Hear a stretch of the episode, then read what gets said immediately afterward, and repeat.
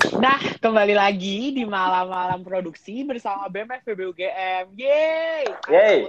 Halo, hai. Oke, mantap semuanya ya. Jadi, kembali lagi ini di part 2 ya, di masih lanjutan dari yang kemarin episode lalu yaitu grand launching BMF PBUGM Kabinet Harmoni Karya.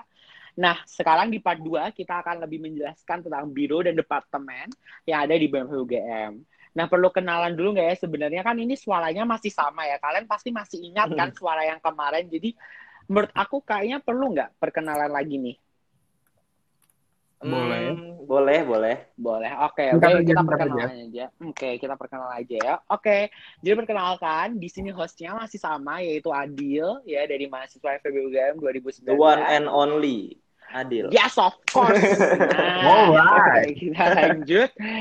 Ah, kita sekarang sama Adil masih ditemani oleh dua, yaitu bukan penguasa lagi sih, karena aku udah capek ngomong penguasa, jadi kita sebut lainnya, yaitu apa ya sebutan lainnya? Ah, Pembantu, Mungkin, dua pembantu. iya, iya, jadinya pembantu boleh deh, atau Gak apa kita nerima. Oke, ya kita kan ya gitulah namanya BMF UGM itu emang gak ada diskriminasi. Jadi ketua mau dipanggil pembantu, terus staff dipanggil pemimpin tuh boleh-boleh aja gitu. Tapi ya, ya nanti ada resikonya gitu ya. Ya, Tapi tetap tenang semuanya, jangan panik gitu. Kita tuh nggak kok nggak ada yang kayak gitu. Kita tuh semuanya hmm, mantap gitu. Pokoknya mari langsung perkenalan aja kak dari ketua FEB UGM.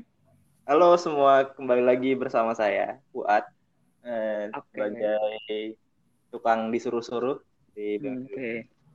Oke, jadi Kak Fuad ini tuh emang kalau ini beneran guys, ini bukan merendah untuk merakyat, tapi emang sering banget gitu disuruh suruh ini, suruh ini, semua ini gitu loh. Jadi kayak banyak banget gitu. Apalagi kita sekarang mau ngomongin departemen dan biro ini, duh, pokoknya kompleks gitu loh perannya Kak Fuad itu kompleks parah. Nah, Kak Fuad ini punya teman ya sepertinya. Kok sepertinya gitu saudara, saudara. Oke, saudara gitu ya. Ya, silahkan Wakil Ketua BMF UGM. Uh, halo, aku Muhammad Arif Darmawan. Kalian bisa bisa manggil aku Mawan. Aku Wakil Ketua BEM FVP Kabinet Harmoni Karya. Temennya Fuad, kalau kata Adil. Oke, oke guys ya. Temennya Kak Fatus sebenarnya nggak cuma itu aja, tapi kan kalau di sini di podcast ini ya kita semua berteman sih. Aku, Kak Fuad, Kak Mawar berteman. Nggak ada gitu ya guys ya. Oke. Nah jadi di sesi kedua kali ini di part 2 grand uh, episode ini kita akan membahas tentang biro seberapa aja sih biro dan departemen yang ada di BMF UGM itu sendiri. Nah karena kemarin kita kayak uh, mikirnya kalau kita jadiin satu ya kebanyakan dan terlalu lama gitu. Jadi udah kita pisah aja gitu. Nah, jadi kita daripada mulai banyak ngomong nanti malah nggak sampai-sampai gitu ke tujuannya. Jadi kita langsung aja ya mulai.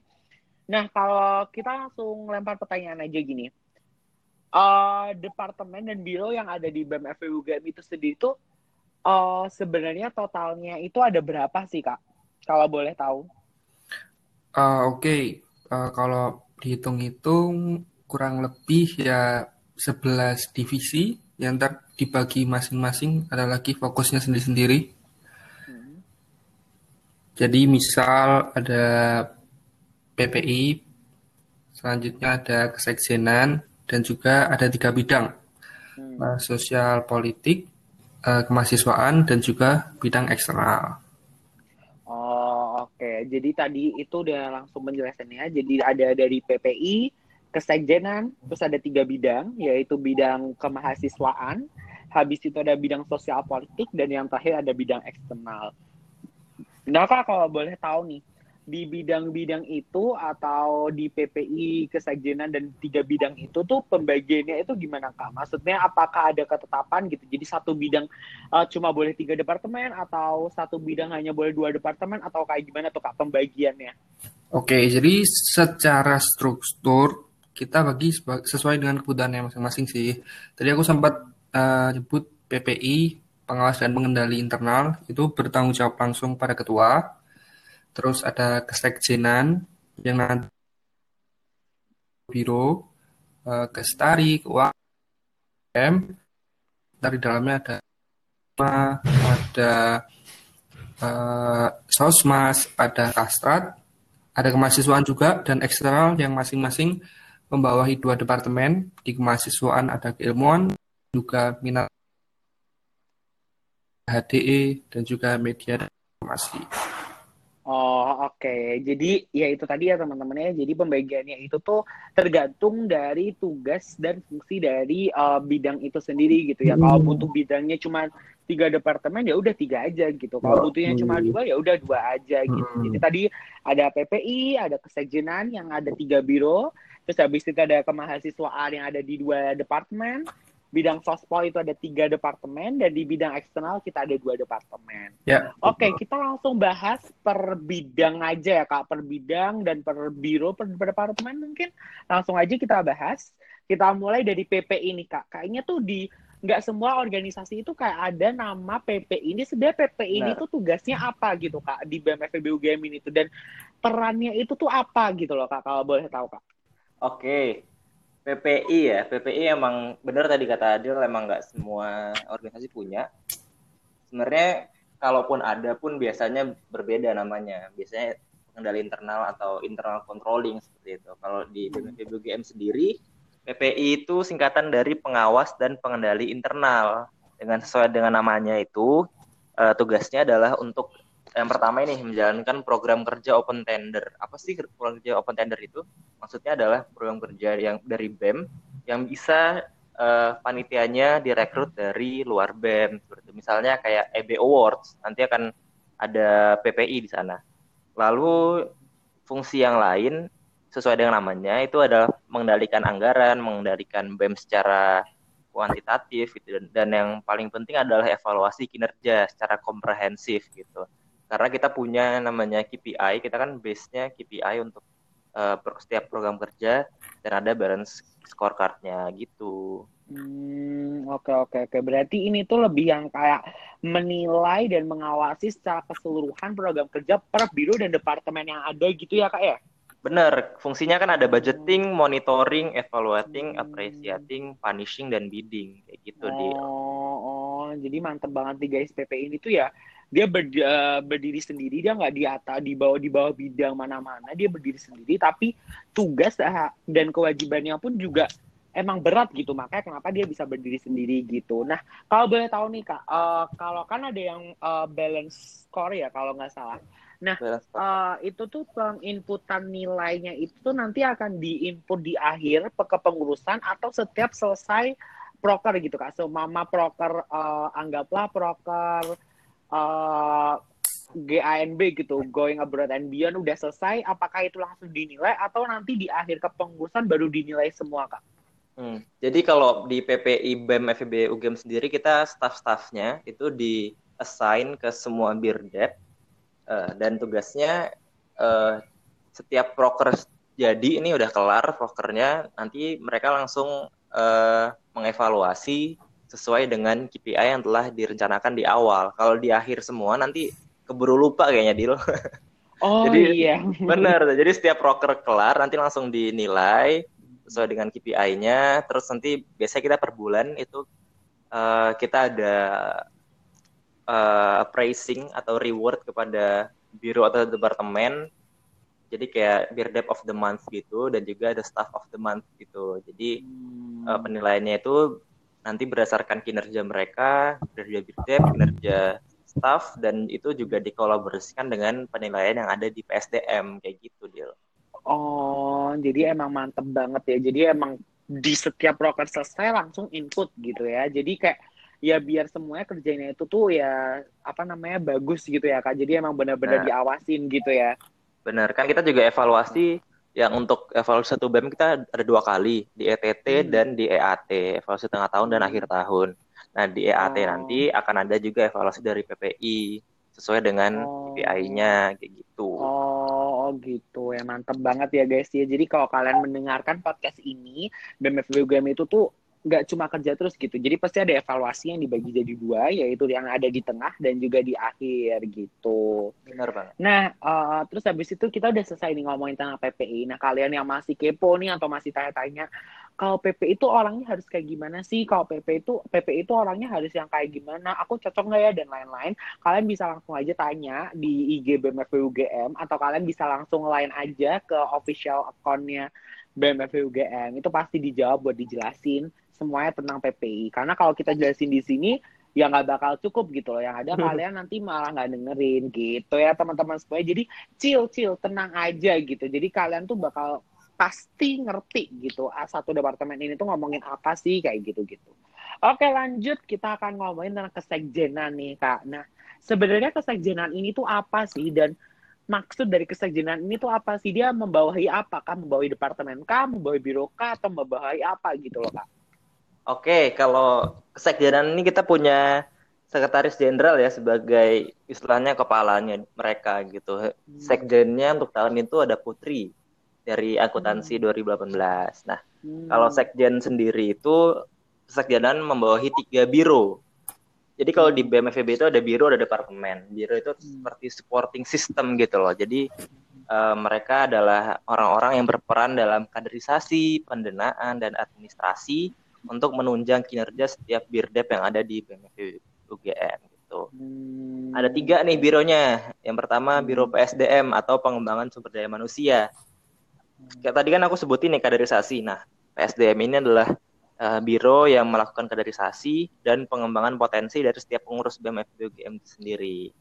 Hmm. Kalau kita kaitin dengan stakeholder yang di awal tadi, maka Biro PSDM ini sangat bersinggungan dengan uh, BMFB UGM stakeholder kita yang pertama hmm. seperti itu. Nah, tadi kan uh, aku jelasin nih give and take maksudnya adalah ketika teman-teman dari anggota BEM sudah memberikan uh, tanggung jawabnya mereka dengan maksimal, maka hak-hak mereka itu harus harus terpenuhi. Salah satu yang hal yang harus dipenuhi adalah pengembangan diri masing-masing anggotanya. Pengembangannya ini bisa bermacam-macam dari soft skill maupun hard skillnya mereka. Jadi teman-teman PSDM lah yang mengurusi hal tersebut salah satunya seperti itu. Hmm, okay. Lanjut ke biro kesekretariatan ya atau biasa kita panggilnya kestari biar mudah gitu. Hmm. Nah kalau kestari ini sesuai dengan namanya dia berperan dalam mengelola administrasi. Jadi uh, teman-teman kestari inilah yang ngebuat SOP untuk uh, pembuatan surat dan segala macamnya. Jadi sangat memudahkan kami dalam Eh, hubungan-hubungan yang bersifat uh, resmi gitu surat menyurat segala macam seperti itu selain itu Kestari juga uh, berfungsi untuk memelihara hubungan kerumah tanggaan kita yang yang tadi yang di awal berdasarkan keluargaan gitu yang terakhir dari biro yaitu biro keuangan nah kalau biro keuangan ini uh, punya fungsi nih yang pertama itu budgeting lalu managing controlling hingga reporting. Intinya seluruh uh, keuangan yang ada di BEM itu disusunnya bersama dengan keuangan sesuai dengan uh, apa ya istilahnya kita menyelesaikan dengan keadaan yang ada lah. Maksudnya anggaran yang kita anggarkan tidak jangan sampai melebihi banyak atau kurang banyak gitu. Jadi kalau kita punya uh, standar untuk uh, toleransi itu adalah 5% ke atas dan 5% ke bawah. Maksudnya adalah uh, anggaran itu kita toleransi kalau lebih dari 100% itu sampai 105%, kurang dari 100% yaitu 95% seperti itu. Selebihnya akan uh, kita evaluasi seperti itu. Oh, oke okay, oke okay, oke. Okay. Iya.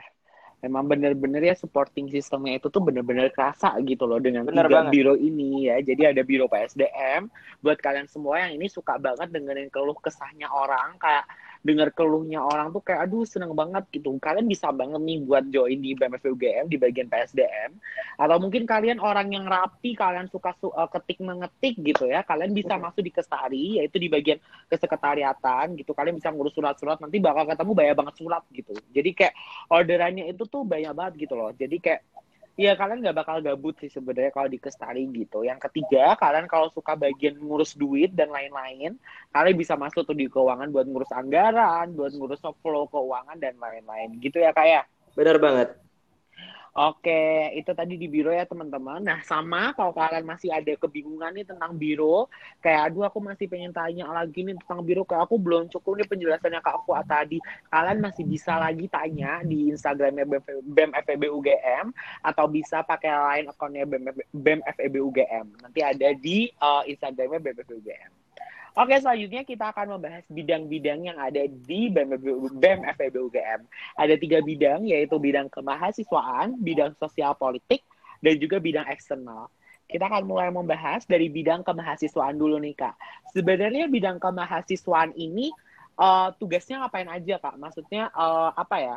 Dia tuh uh, membawahi beberapa departemen dan tugas dari setiap departemen itu tuh apa kak? Boleh dijelaskan? Uh, Oke, okay. jadi bidang kemahasiswaan itu sendiri sebenarnya dari katanya kita bisa lihat fokusnya khusus ke kemahasiswaan. Jadi tempat, platform, wadah untuk penyaluran minat dan bakat mereka, baik secara akademik maupun non-akademik. Nah, karena akademik dan non-akademik, kita bagi jadi dua. Ada dua departemen, yakni Departemen Minat dan Bakat sama Departemen Keilmuan. Oh ya, tadi kan kita sempat ngomongin mengenai stakeholder. Nah, salah satu departemen yang dekat banget sama stakeholder kita salah satunya adalah mahasiswa, adalah bidang kemahasiswaan ini. Jadi kan nggak mungkin ya mahasiswa itu kuliah cuma belajar doang, kuliah pulang, kuliah pulang. Itu sama sekali nggak mungkin. Makanya kita bikin suatu wadah yang yang di mana yang bertanggung jawab secara non akademik itu keilmuan, sorry non akademik itu minat dan bakat, dan secara akademik itu keilmuan. Nah, minat dan bakat sendiri uh, kegiatannya banyak banget deal kalau aku boleh cerita. Selama pandemi ini mereka mengganti konsep uh, banyak broker kayak workout challenge di mana ngajak teman-teman di rumah untuk berolahraga, movie marathon challenge. Terus besok akan ada official merchandise dari FVP UGM yang dibikin oleh uh, BEM FVP UGM khususnya minat dan bakat. Ini biasa kita sebut tuku-tuku. Selain itu ada juga pendampingan seni gama, lomba antar uh, jurusan, dan juga ada lomba internal bisnis plan. Jadi kalau pada pendasarkan apa uh, bisnis plan udah mulai meningkat lagi di FVB UGM dan mulai tertata, salah satunya adalah karena diinisiasinya FVBC ini. Kayak gitu. Terus oh, kalau boleh lanjut okay. ke yang keilmuan, mereka bertanggung jawab ke bagian yang non akademik. Jadi platformnya mahasiswa untuk berkembang, memunculkan potensinya di bidang akademik. Contohnya adalah kayak ada kita bikin kelas-kelas, kelas untuk belajar saham, kelas untuk belajar cara membuat bisnis case, bisnis plan yang baik, terus ada mentoring beasiswa juga. Kurang lebih kegiatan-kegiatan yang bisa menunjang, mengisi CV teman-teman mahasiswa VPUGM. Nah, kemarin ini selama pandemi udah dilaksanakan essay competition secara online. Di mana partisipasinya cukup baik dan bentar lagi kayak akan diumumin hadiahnya. Jadi buat teman-teman yang udah daftar, silakan menunggu. Hmm, oke oke mantap mantap mantap. Jadi ya kalau di bidang kemahasiswaan ini berkaitan langsung dengan stakeholder mahasiswa itu Yo. sendiri ya kak ya di mana ada dua dibagi yaitu di bagian non akademik oleh minat dan bakat yang selama masa pandemi ini minat dan bakat tuh ya nggak cuma diem aja gitu loh dia juga melakukan sebuah apa ya inovasi-inovasi baru seperti yang tadi udah dijelasin kayak ada workout challenge yang paling aku suka tuh yang bagian masak-masaknya itu loh oh. teman-teman kayak kita dikasih resep gitu. Iya kan kita dikasih resep dan itu resepnya gampang banget gitu. Kalian teman-teman yang lagi denger ini kalau kalian kayak bingung aduh mau masak apa ya mau masak apa? Bingung langsung cek aja di IG BEM FEB UGM itu di situ udah ada tuh banyak resep makanan yang bisa kalian coba selama masa kuarantin ini teman-teman. Berarti nah, Adil sendiri cuma... udah pernah ini ya ngebuat dari resep itu ya Bener banget. Ini uh, pokoknya yang lava cake itu enak banget. Kalian harus coba. Itu tuh bener-bener ada step by stepnya ada bahan-bahannya. Udah udah kayak uh, tata boga gitu loh sebenarnya. Penjelasan yang ada di sini itu. Tapi ya kayak gimana ya? Yang namanya anak FB Bogem tuh multitaskingnya duh nggak paham lagi gitu loh. Jadi emang bisa gabung-gabung gitu nah, sih skillnya kalau gitu. cerita nah, kenapa masa-masa itu apa? bisa masuk? Karena itu salah satu uh, fungsi yang masuk di kewirausahaan deal. Jadi kalau minat dan bakat kan kewirausahaan, seni, oh, olahraga. Oke oke. Kurang lebih kayak gitu. Oh, oh, oke oke oke. Tuh emang ya dari sisi kewirausahaannya dapat, dari sisi minatnya dapat, bakatnya dapat, aduh semuanya itu dikemas rapi gitu loh walaupun dalam masa pandemi ini jadi di masa pandemi ini kita nggak cuma diem aja gitu teman-teman uh, orang-orang BMFB UGM masih tetap bekerja untuk menyiapkan konsep uh, plan-plan B mungkin buat uh, proker-proker yang harus ditunda atau harus diganti dengan uh, sistem daring atau online ini teman-teman. Juga dari sisi akademiknya kita punya keilmuan ya seperti yang tadi kelas atau yang paling terakhir ini yang barusan kemarin banget live di, di IG BMFB UGM yaitu yang investment strategi. Uh, investment strategi Ya, investment strategi di masa pandemi ini yang langsung diisi oleh uh, founder dari ekonominya stock marketnya sendiri itu itu benar-benar bagus banget gitu. Dan teman-teman yang merasa kayak aduh kok aku ketinggalan gitu, baru taunya pas dengar podcast ini nggak apa-apa, tenang dan chill karena kita hmm. udah save di IGTV BMF BMF. Jadi kalian bisa langsung klik dan nonton dan streaming sepuasnya gitu. Jadi kayak tenang aja gitu. BMF BUGN tuh udah antisipasi gitu. Nggak ada alasan kalian nggak nonton gitu ya ya teman-teman semuanya. Jadi emang bidang kemahasiswaan ini bagus banget sih kalian kalau suka banget dengan minat bakat ke kewirausahaan dan dari sisi akademik yaitu keilmuan ya kalian bisa langsung nih buat uh, apa join di kemahasiswaan ini. Nah buat kalian yang masih pengen tanya-tanya lagi nih kayak uh, bidang kemahasiswaan nih uh, khususnya itu spesifiknya tuh bahas apa ya? Kayak pas uh, semama ada proker-proker baru tuh inovasinya tuh gimana ya pemikirannya? Kalian bisa langsung juga tanya langsung di line official accountnya dari BMF UGM atau bisa dari Instagramnya BMF UGM gitu ya. Jadi kita tidak uh, kita nggak akan bahas di sini karena itu terlalu deep. Kita nggak mau yang deep deep banget karena nanti berat gitu pembahasannya teman-teman. Nanti ada biar kalian juga penasaran itu, gitu kan Nah, bener banget 100 buat hal itu. Kayak Jadi pacaran gitu, dia. Kayak pacaran kan nah, biasanya harus penasaran dulu tuh biar exciting. nah, bener banget gitu. Jadi emang kita tuh ah ya kayak gitulah ya teman-teman kita kalian tahu sendiri yang denger ini kan pasti pintar-pintar.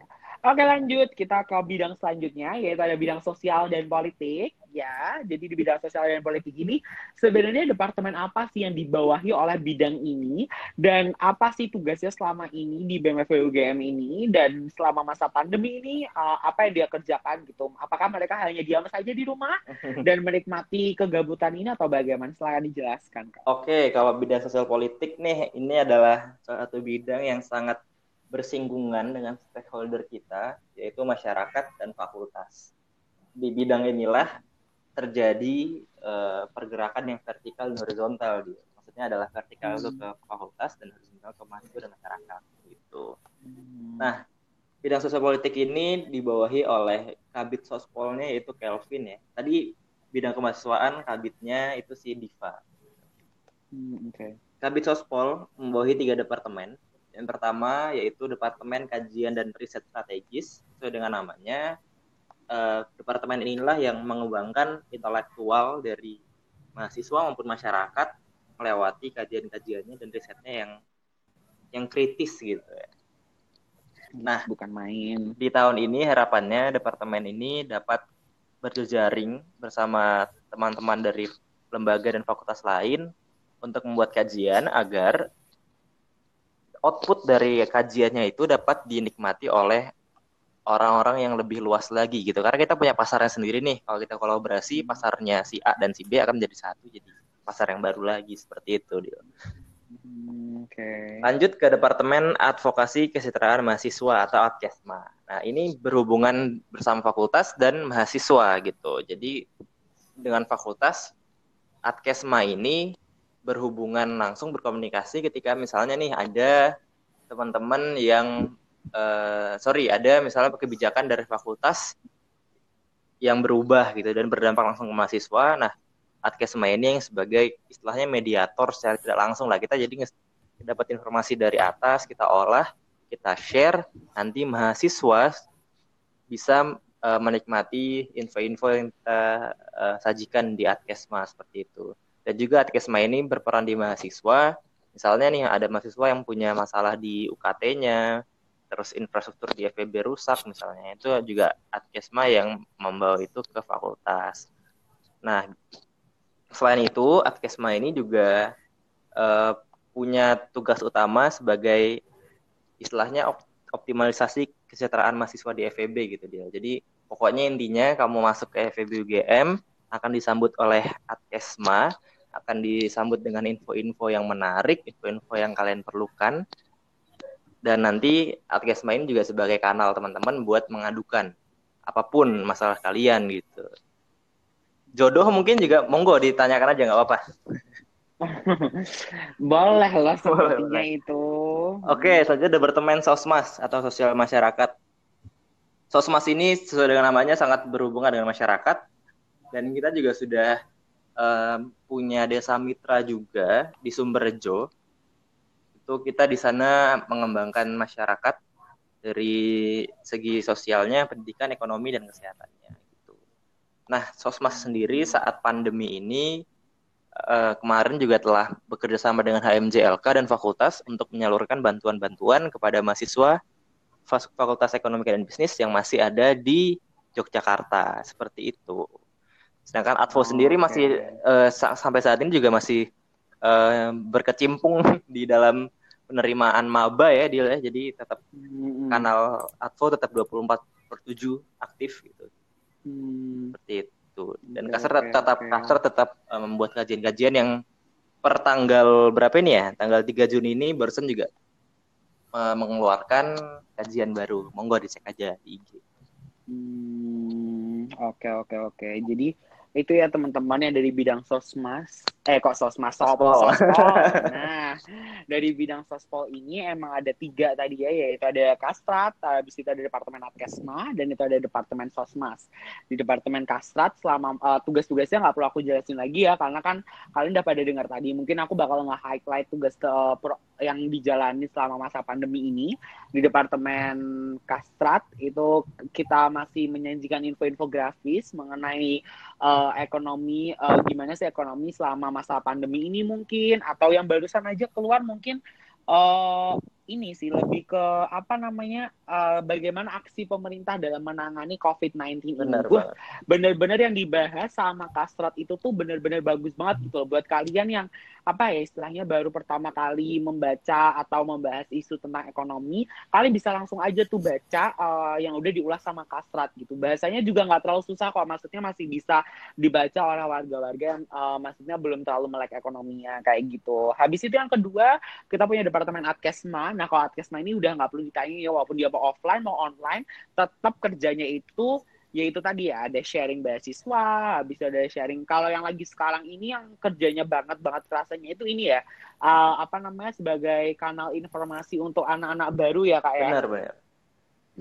Nah, jadi buat kalian maba-maba nih yang gamada-gamada ini ya bahasanya, aduh. Nah, di Gamada Angkatan 2020 ini, kalian kalau mau cari informasi apa pun mengenai FEB UGM, jadi nggak cuma BEM FEB aja, tapi mengenai FEB UGM, kalian bisa langsung aja uh, add line official account-nya Adkesma BEM FEB UGM. Jadi karena ada official account-nya sendiri kalau nggak salah Adkesma itu, jadi kalian bisa langsung add aja di situ, dan kalian bisa ikutin informasi-informasi yang ada. Pasti up to date, nggak bakal ketinggalan ya. Jadi tenang, chill gitu. chill Nah, terus yang ketiga, nah yang ketiga ini ada sosmas, yaitu bidang eh, departemen sosial dan masyarakat. Kalau ini nggak perlu ditanya, pokoknya jiwa sosial dan masyarakatnya itu tuh benar-benar kerasa gitu. Kalau kalian masuk departemen ini mulai dari desa mitra terus ada FPB mengajar dan lain-lain gitu. Jadi emang benar-benar kerasa kita benar-benar mensejahterakan stakeholder kita yaitu masyarakat itu sendiri gitu. Jadi nggak ada salahnya kalian masuk di bidang sospol ini bagus banget gitu. Kalian mungkin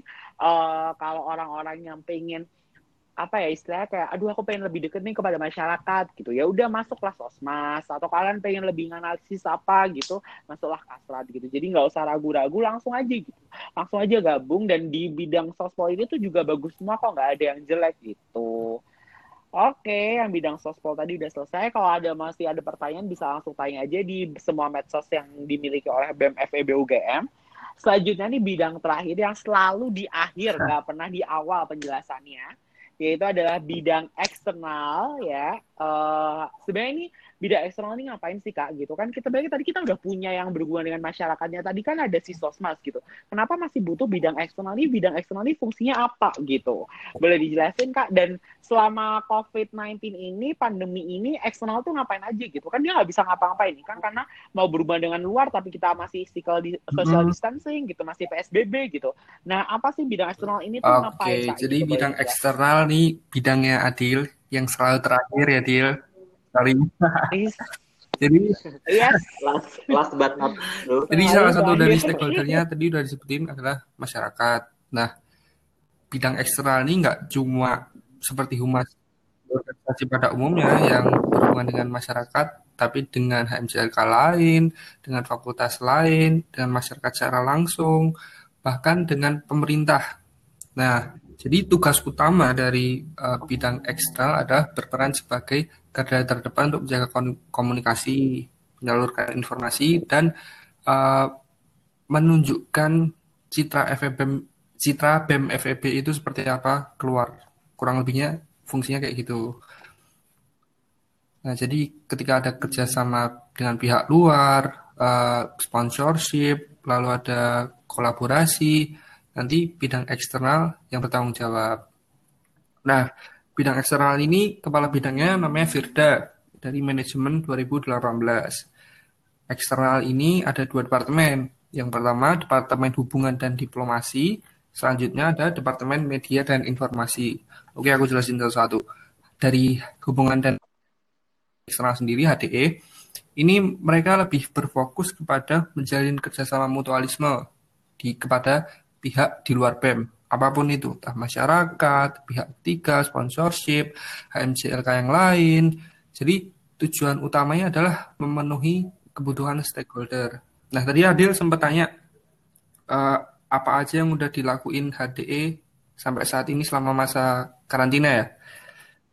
Nah, salah satunya adalah hmm. grand launching ini. Di mana kalau biasanya kita laksanakan grand launching itu secara uh, offline, luring, sekarang kita laksanakan secara daring. Nah, nggak cuma itu aja, kita ubah konsep dari uh, interfaculty link dan juga terima kunjungan biasanya kita datang ke fakultas lain atau fakultas lain datang ke tempat kita, univ lain dari luar Jogja datang ke tempat kita. Tapi karena masa karantina nggak bisa, nanti akan diganti dengan konsep online. Nah, tadi aku juga sempat ngomong bahwasannya eksternal ini berhubungan dengan luar. Luar itu nggak cuma Jogja aja, tapi di luar Jogja aja. Makanya kita juga aktif dalam forum mahasiswa ekonomi Indonesia.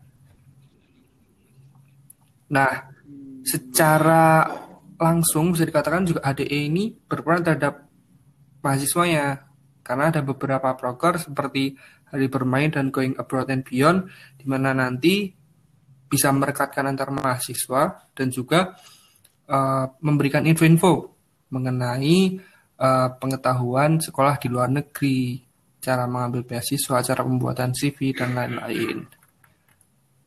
Nah, itu tadi dari HDE. Sekarang kalau aku boleh cerita tentang media dan informasi, atau kita bisa sebut Medinfo, mereka bertugas untuk melakukan branding dan marketing. Itu fungsi utamanya. Jadi untuk desain yang didesain secara menarik dan yang nantinya akan ditunjukkan oleh masyarakat maupun pihak luar BEM, itu tanggung jawab dari media dan informasi. Mereka bertanggung jawab atas seluruh media sosial yang kita punya, yang dimiliki oleh BEM FEB UGM. Salah satu prokernya, beberapa prokernya adalah Explorek. Mungkin yang kemarin udah diupload di YouTube, teman-teman boleh lihat. Jangan lupa subscribe. Lalu tanggung jawab dari podcast ini. Uh, selanjutnya ada juga program-program collaboration, biasa kita sebut, kita sebut collaboration project, di mana uh, mereka yang bertanggung jawab atas uh, kerjasama dengan pihak luar maupun divisi di BEM itu sendiri. Jadi ketika ada yang ingin desain, ada yang ingin menyampaikan informasi kepada pihak luar, nanti media dan informasi yang membantu. Dan yang paling baru nih dicoba di kabinet ini adalah kita pengen meningkatkan kemampuan desain dari anggota BEM sendiri. Jadi makanya ada School of Media, di mana dari Medinfo itu mengajari teman-teman di BMFB anggotanya untuk bisa belajar melakukan desain. Kayak gitu, di. Oh, oke, oke, oke. Jadi bidang eksternal ini ya secara umumnya dia itu akan berhubungan secara langsung atau sebagai garda utama ya BMF UGM untuk memberikan citra atau ya istilahnya menjalin relasi dengan pihak-pihak eksternal. Jadi nggak cuma dari masyarakatnya aja ya, ada pihak ketiga, atau mungkin dari sisi uh, mahasiswanya pun juga kena pokoknya berkaitan dengan eksternal dari BEM UGM itu sendiri ya. Jadi di departemen eksternal tadi udah dijelasin dibagi menjadi dua yaitu ada di HDE dan Matinfo dan di departemen uh, bidang eksternal ini uh, fungsinya itu lebih ke arah untuk branding dan juga untuk memberikan citra terhadap BEM UGM terhadap pihak-pihak eksternal. Nah, eksternalnya nggak cuma dari uh, masyarakat aja, tapi dari semua pihak-pihak eksternal yang berhubungan dengan BEM UGM. Nah, ada dua departemen yaitu HDE dan juga Medinfo. Di HDE itu kita punya uh, tujuan yang tadi sudah dikasih tahu Kak Mawan, yaitu adalah tujuan untuk kerjasama mutualisme dari semua proker-prokernya. Di Medinfo kita ada untuk uh, Medinfo ini gampangannya dia yang menghandle seluruh uh, akun yang dimiliki oleh BEM, BEM UGM dari Instagram, podcast, Line, official account, dan yang lain-lainnya. Jadi pokoknya semua medsosnya BEM UGM itu yang megang si anak Medinfo kayak gitu. Dan ada uh, inovasi baru nih dari anak uh, dari Medinfo di kabinet ini, yaitu ada SOM ya kayak kalau nggak salah. Ya benar. Ya itu ada School of Media yang dilakukan oleh uh, ke semua departemen dan biro tanpa terkecuali isinya itu untuk belajar bersama cara membuat poster dan lain-lain. Jadi sangat-sangat berfungsi sih. Nah, kayak uh, di sini dulu ya kak pembicaraan kita untuk grand launching kali ini di part 2. Jadi kita udah selesai ini untuk membahas biro dan departemen dan uh, yang ada di BMF UGM. Jadi kalau kalian masih kepo atau masih banyak pengen banyak tanya lagi tentang BEM FEB UGM, kalian bisa langsung aja hubungin ke medsos uh, media sosialnya BEM FEB UGM karena pasti dijawab. Tapi pertanyaannya harus yang benar-benar masuk ya sama BEM FEB UGM, bukan pertanyaan yang kayak nggak jelas gitu karena mungkin kalian bisa salah akun mungkin kita kan nggak tahu ya. Tapi kayak kita udah ngewanti-wanti dari awal ya, pokoknya uh, pertanyaan harus yang benar yang berkaitan dengan BEM FEB UGM. Oke teman-teman, mungkin dari ketua dan wakil ada ini kata-kata sebelum penutup, sebelum kita tutup nih podcast hmm. episode kali ini. Oke, mungkin dari aku dulu ya. Teman-teman semua BMF GM tahun ini kita sangat terbuka kepada kolaborasi, kita terbuka atas inovasi. Jadi teman-teman dari luar uh, fakultas maupun dari luar universitas silahkan uh, jika ingin melakukan kolaborasi kepada kami uh, lalu teman-teman BEM diri teman-teman BEM silakan berinovasi apa pun itu. Aku Mawan dan teman-teman PI yang lainnya sangat mendukung. Dan uh, akan kita bantu. Cukup ini ya bahasanya tuh aduh masuk banget dalam hati teman-teman dan pendengar semuanya nih pasti. Aku yakin banget. Oke dari wakil ketua mungkin? Uh, mungkin dikit aja buat teman-teman anggota BEM semuanya yang dari ini. Uh, beberapa bulan ini cukup berat. Aku tahu Fuad tahu entah dari beban akademik apalagi ditambah dari tanggung jawab kalian di BEM. Tapi aku masih minta bantuannya lagi untuk satu semester lagi bantu aku bantu Fuad untuk menjalankan roda organisasi. Jadi kayak show must go on. Dan buat masyarakat luar yang dengerin podcast ini tadi kita terbuka dengan kolaborasi. Kita juga terbuka dengan seluruh masukan.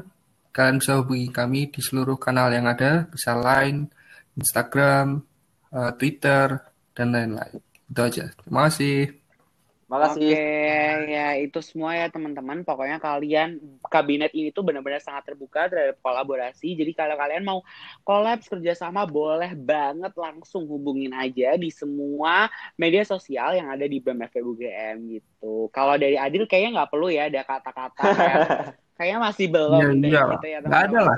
Kecuali besok kamu ketua. eh, eh, eh, eh, maaf ini, mohon maaf itu masih rahasia ya teman-teman. Oke teman-teman, cukup segini dulu aja podcast kali ini. Ini cukup usahanya besar untuk membuat podcast ini. Jadi tolong, tolong sekali untuk didengar sampai akhir ya teman-teman. Jangan di skip, pokoknya duh gitu. Kalau kalian mau lihat ini behind the skinnya beh. Duh kalian yang ada tuh kayak astagfirullah astagfirullah gitu. Silahkan baca adil ya untuk behind the pokoknya iya pokoknya kalian harus uh, dengerin ini sampai akhir biar kita semua juga makin semangat untuk membuat podcast-podcast selanjutnya. Gitu ya teman-teman. Terima kasih semuanya. Dadah. Terima kasih